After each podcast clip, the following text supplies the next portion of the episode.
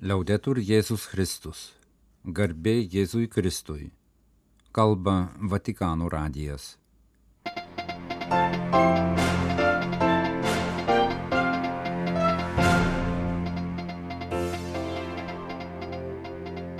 Malonūs klausytojai, šioje šeštadienio Liepos 22 programoje popiežiaus audiencija Ganos prezidentui.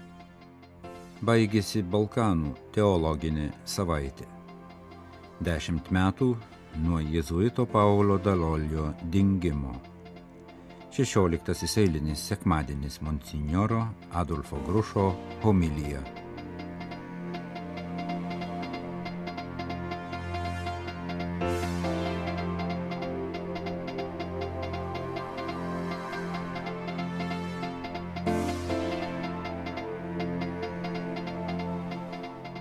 Popiežius Pranciškus šeštadienį audiencijoje priėmė Ganos prezidentą Nanado Akufoado. Vakarinės Afrikos valstybės vadovas atskirai susitiko ir su Pietro Parolinų valstybės sekretoriumi, kurį lydėjo Polas Richardas Gallagheris, sekretorius santykiams su valstybėmis ir tarptautinėmis organizacijomis. Pokalbiuose valstybės sekretorijate buvo aptarti Šventojo sosto ir Ganos santykiai, kai kurie Ganos politinio, socialinio ir ekonominio gyvenimo aspektai, įskaitant bendradarbiavimą ugdymo ir sveikatos sektoriuose. Vatikano spaudos salė komunikate pažymėjo, kad be šių temų buvo apsikeista nuomonėmis apie tarptautinės aktualijas, ypač kiek tai liečia pasaulio taikos problemas ir vakarų Afrikos saugumą. Sektantiškumo bruožai ir piknaudžiavimas dvasinėse bendruomenėse, susitikimas su visuomenės paribiuose esančiais asmenimis, įskaitant LGBTQ ir migrantus, bažnyčios visuotinumas ir bažnyčių skirtingumas. Šias temas riekia Kroatijoje, nagrinėjo Balkanų teologinės savaitės dalyviai, katalikai, ortodoksai ir protestantai. Vasaros teologinių savaičių iniciatorius Rijeko arkivyskupas Matė Oziničius įvadinėje kalboje patikino, kad bažnyčia turi apsispręsti būti atvira, pluralistinėje visuomenėje, kurti galimybės susitikti ir dialoguoti arba užsidaryti savyje Dialogas tarp skirtingų krikščioniškų konfesijų atstovų svarbus ne tik pietryčių Europos bažnyčioms, bet visai Europai, pažymėjo bažnyčios istorikas Marko Medvedevas, vienas iš teologinės savaitės organizavimo komiteto narių, pokalbėje Vatikano naujienoms Vatican News. Pagrindinius pranešimus savaitės dalyviams skaitė kruatų vienuolė pranciškonė Rebeka Anič, Ivo Pilar socialinių mokslų instituto dėstytoja. Jėzuitas tėvas Jamesas Martinas, vienas iš LGBTQ pastoracijos pradininkų Junktinėse Amerikos valstijose dalyvavęs nuotoliniu būdu, ir vokiečių protestantų teologas Hans Peter Grosshansonas. Rebeka Anič aptarė sektantiškumo įsiskverbimą ir piknaudžiavimą naujosiuose bažnytiniuose sąjūdžiuose, pristatė tyrimų duomenis apie piknaudžiavimo atvejus Prancūzijoje ir Vokietijoje, neatmetė galimybės, kad piknaudžiavimo situacijos katalikų bažnyčioje leidžia manyti, kad jų galėtų būti ir kitose krikščioniškose konfesijose. Vienuolė ragino nebijoti Dievo patirties gyvenime, bet perspėjo nenusileisti kitų manipuliavimui. Jėzuitas Džeimsas Martinas kvietė atsiverti susitikimui su LGBTQ asmenimis pagal tris Evangelijos pasakojimus apie Jėzaus susitikimus, kuriuose Jėzus liudija artumą su asmenimis, kurie kitokie nei jis, su romėnų šimtininku, samariete ir Zachiejumi. Jėzus moko, kad reikia liudyti gailestingumą paribiuose esantiems žmonėms, Bažnyčios socialinis mokymas ragina būti solidariems su gyvenančiais paribiuose, o bažnyčios mokymas pagrystas susitikimu su Jėzumi ir būdu, kuriuo jis susitikdavo su žmonėmis. protestantų teologas Hansas Peteris Groshansonas patikino, kad protestantai priima katalikų bažnyčios mokymą apie bažnyčios kaip Kristaus kūno slėpinį, kurį išsamei aptarė Vatikano antrasis susirinkimas. Bažnyčia yra Dievo tauta. Liuteris ir kiti reformos šalininkai buvo įsitikinę, kad bažnyčia sudaro tikinčiųjų visumos asamblėją ir kulto tikslams susirinkusi bendruomenė. Bažnyčia yra visuotinė, kai yra apaštalinė, kai nuolatinėje reformoje perduoda Evangelijos tiesą šiandieniniam pasauliui. Jūs klausotės Vatikano radio žinių laidos lietuvių kalba. Tęsime programą. 2023 m. Liepos 29 d. sukanka 10 metų nuo jezuito Paulo Dalolio pagrobimo ir dingimo Sirijoje, islamo džihadistų rankose. Vilties, kad jis, nesant patikimų jo mirties įrodymų, atsiras, kaip įvyko keliais kitais pagrobimo atvejais, jau nebėra. Italijos katalikiška leidikla išleido knygą su jezuito meditacijomis ir mintimis, kuriai popiežius Pranciškus parašė trumpą pratarmę. Galima priminti, kad 1954 gimęs Paulo Dalolio 1984-aisiais išvendintas kunigu pagal Sirų apieigų katalikų bažnyčios tradiciją troško skirti savo gyvenimą artimųjų rytų regionui. Ir 1991 metais su keliais bendraminčiais pradėjo išskirtinę iniciatyvą. Dikumoje atgaivino vienuolinę bendruomenę atvirą įvairioms krikščioniškoms tradicijoms bei dialogui su islamu. Deirmar Musa – Vienuolinė bendruomenė įsikūrė restauruotame senovinėme daugybę amžių skaičiuojančiame vienuolyne, kurio grįvėsius su pakankamai gerai išsilaikiusiomis vertingomis freskomis jėzuitas aptiko 1982 metais ir liko jų užkerėtas. Bendruomenė Šventojo Mozės Etijopo vienuolyne ramiai gyvavo apie 20 metų, priemė visų įsitikinimų svečius ir kantriai audė ryšius su kaimynais musulmonais.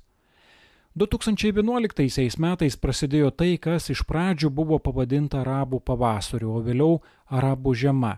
Mat netrukus prasidėjo naujos klaninės ir gentinės kovos dėl valdžios, o radikalūs džihadistiniai judėjimai pasinaudojo sumaištimi ir valdžios vakumu, kad įkurtų liūdnai barbariškomis praktikomis pagarsėjusi ISIS kalifatą dabartinėse Sirijos ir Irako teritorijose.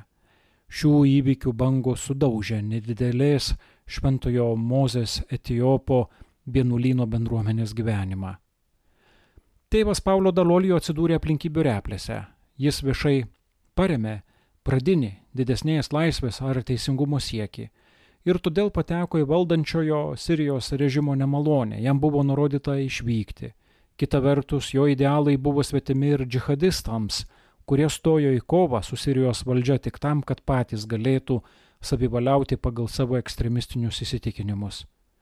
Nepaisant labai temtos ir pavojingos situacijos, po trumpo laiko praleisto gimtojoje Italijoje, jėzuitas grįžo į Siriją siekdamas daryti, ką gali dėl tenykščių žmonių, prie kurių buvo labai prisirišęs. Pasak paskutiniųjų liudijimų, 2013 m. Liepos pabaigoje išvyko pas vieną iš sukilėlių džihadistų vadų, norėdamas tarpininkauti dėl dviejų pagrobtų biskupų išlaisvinimo. Šios kelionės metu jis buvo suimtas ir nuo to laiko apie jo likimą nežinoma. Minint dešimties metų tėvo Paulo Dalolio dingimo sukakti, San Paulo leidikla išleido knygą pavadinimu Mano testamentas. Joje surinkta dviejų metų iki dingimo jėzuito skaitytos paskaitos, užrašai ir pokalbiai su kitais bendruomenės nariais apie jų misiją, pašaukimą, idealus. Vartant šios knygos puslapius, kuriuose tėvas Paulo Dalolio komentuoja Deirmar mūsų vienuolių bendruomenės regulą, pasakoja apie giliausias intencijas paskatinusias jį atgaivinti labai seną, šeštąjį amžių menantį sirų vienuolyną, gaivinti didžiąją dykumos tėvų tradiciją ir suteikti jai naują Kristaus meilės liudijimo, arabų musulmonų visuomenės kontekste prasme, kyla jaudulys, rašo knygos pratarmėje popiežius Pranciškus. Knygos puslapyje nuo jo perdoda jėzuito aistrą, laisvę, formalumo atmetimą, radikalius pasirinkimus, gilį, o kartais ir autoironiją. Pasak Pranciškaus, tėvo Paulo Dalolijų artimiesiems ir draugams nebuvo suteiktas paskutinis gailestingumo gestas - kūno, kurį būtų galima praudoti ir garbingai palaidoti sugražinimas. Nėra žodžių šiam skausmui išreikšti ir paaiškinimų jo nežinomų persekiotojų neapykantai.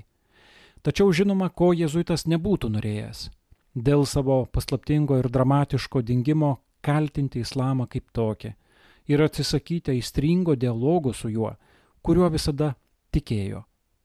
Šiuo klausimu tėvas Paulo buvo labai aiškus. Jis neignoravo problemų, klausėsi savo brolių arabų krikščionių, koptų, chaldėjų, maronitų, asirų kančių pasakojimo. Tačiau brolybės kelią jautė kaip ypatingą savo ir savo vienuolinės bendruomenės veiklos pašaukimą, pažymėjo popiežius Pranciškus. Kyla jaudulys, skaitant kai kurias pranašiškas ištraukas iš teksto, kuris taip primena dvasinį testamentą, ypač kai tėvas Paulo kalba apie galutinio pasiaukojimo už Jėzų dieną. Sakau, mūsų pašaukimą musulmoniškame kontekste turėtų puošti džiaugsmo juokas – Ir tegul tai būna džiaugsmo diena, kai Dievui leidus paragausime galutinio pasiaukojimo už Jėzų. Prašykime šios malonės, kurios niekas negali duoti pats savo. Cituoja naujųjų laikų kankinį ir tikėjimo liudytoje popiežius Pranciškus.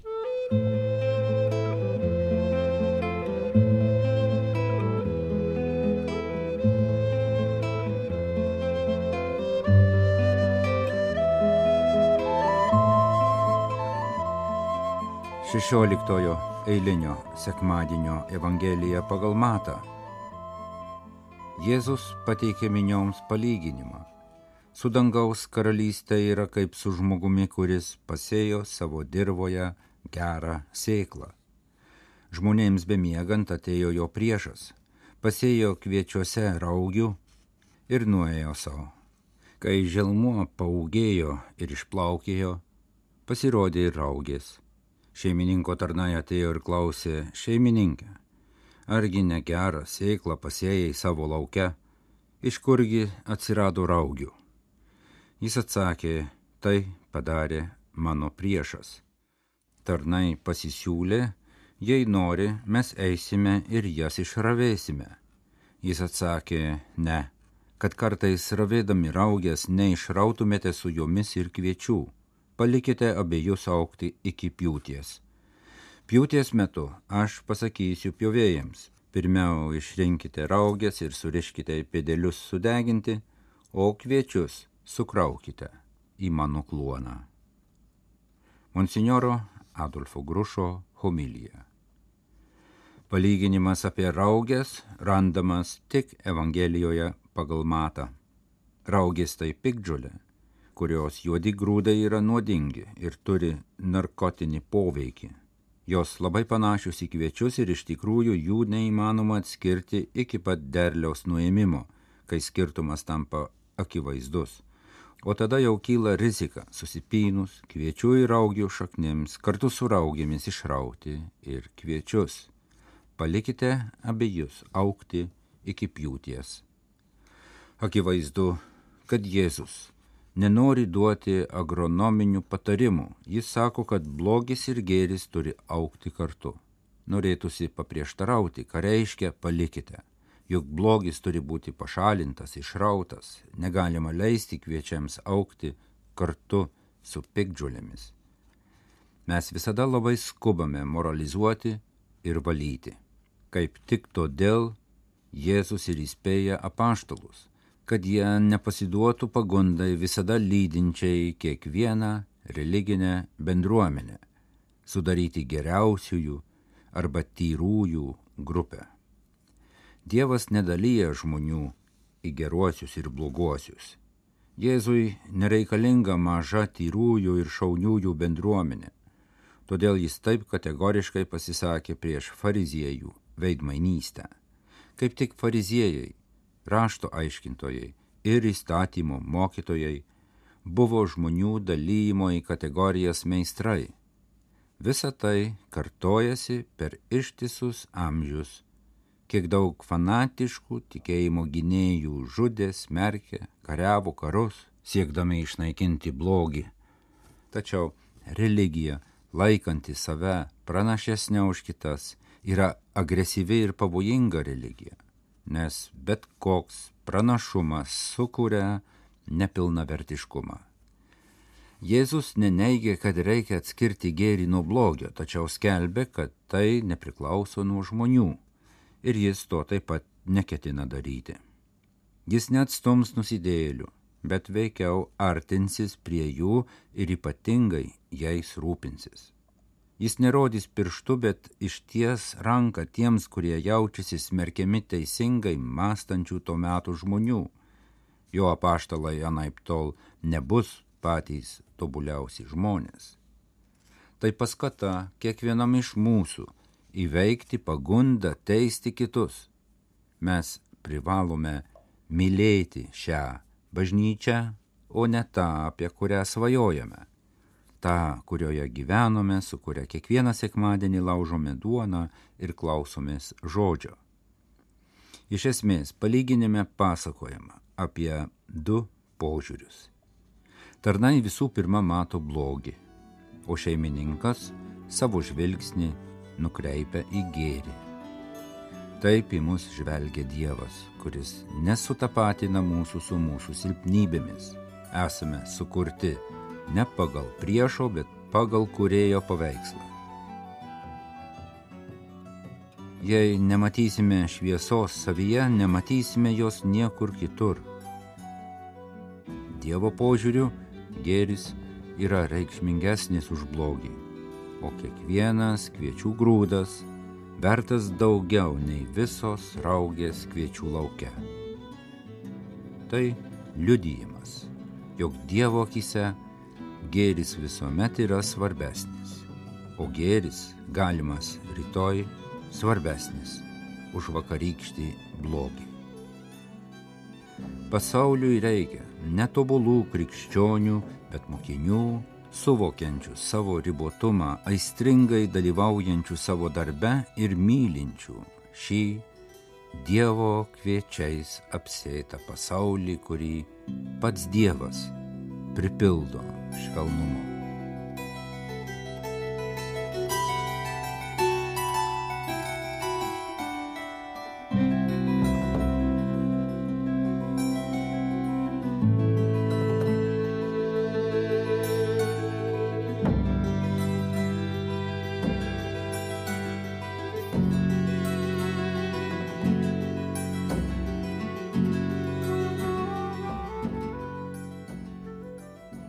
Kalba Vatikano radijas laidą lietuvių kalba baigime. Garbėjai Jėzui Kristui. Liaudetur Jėzus Kristus.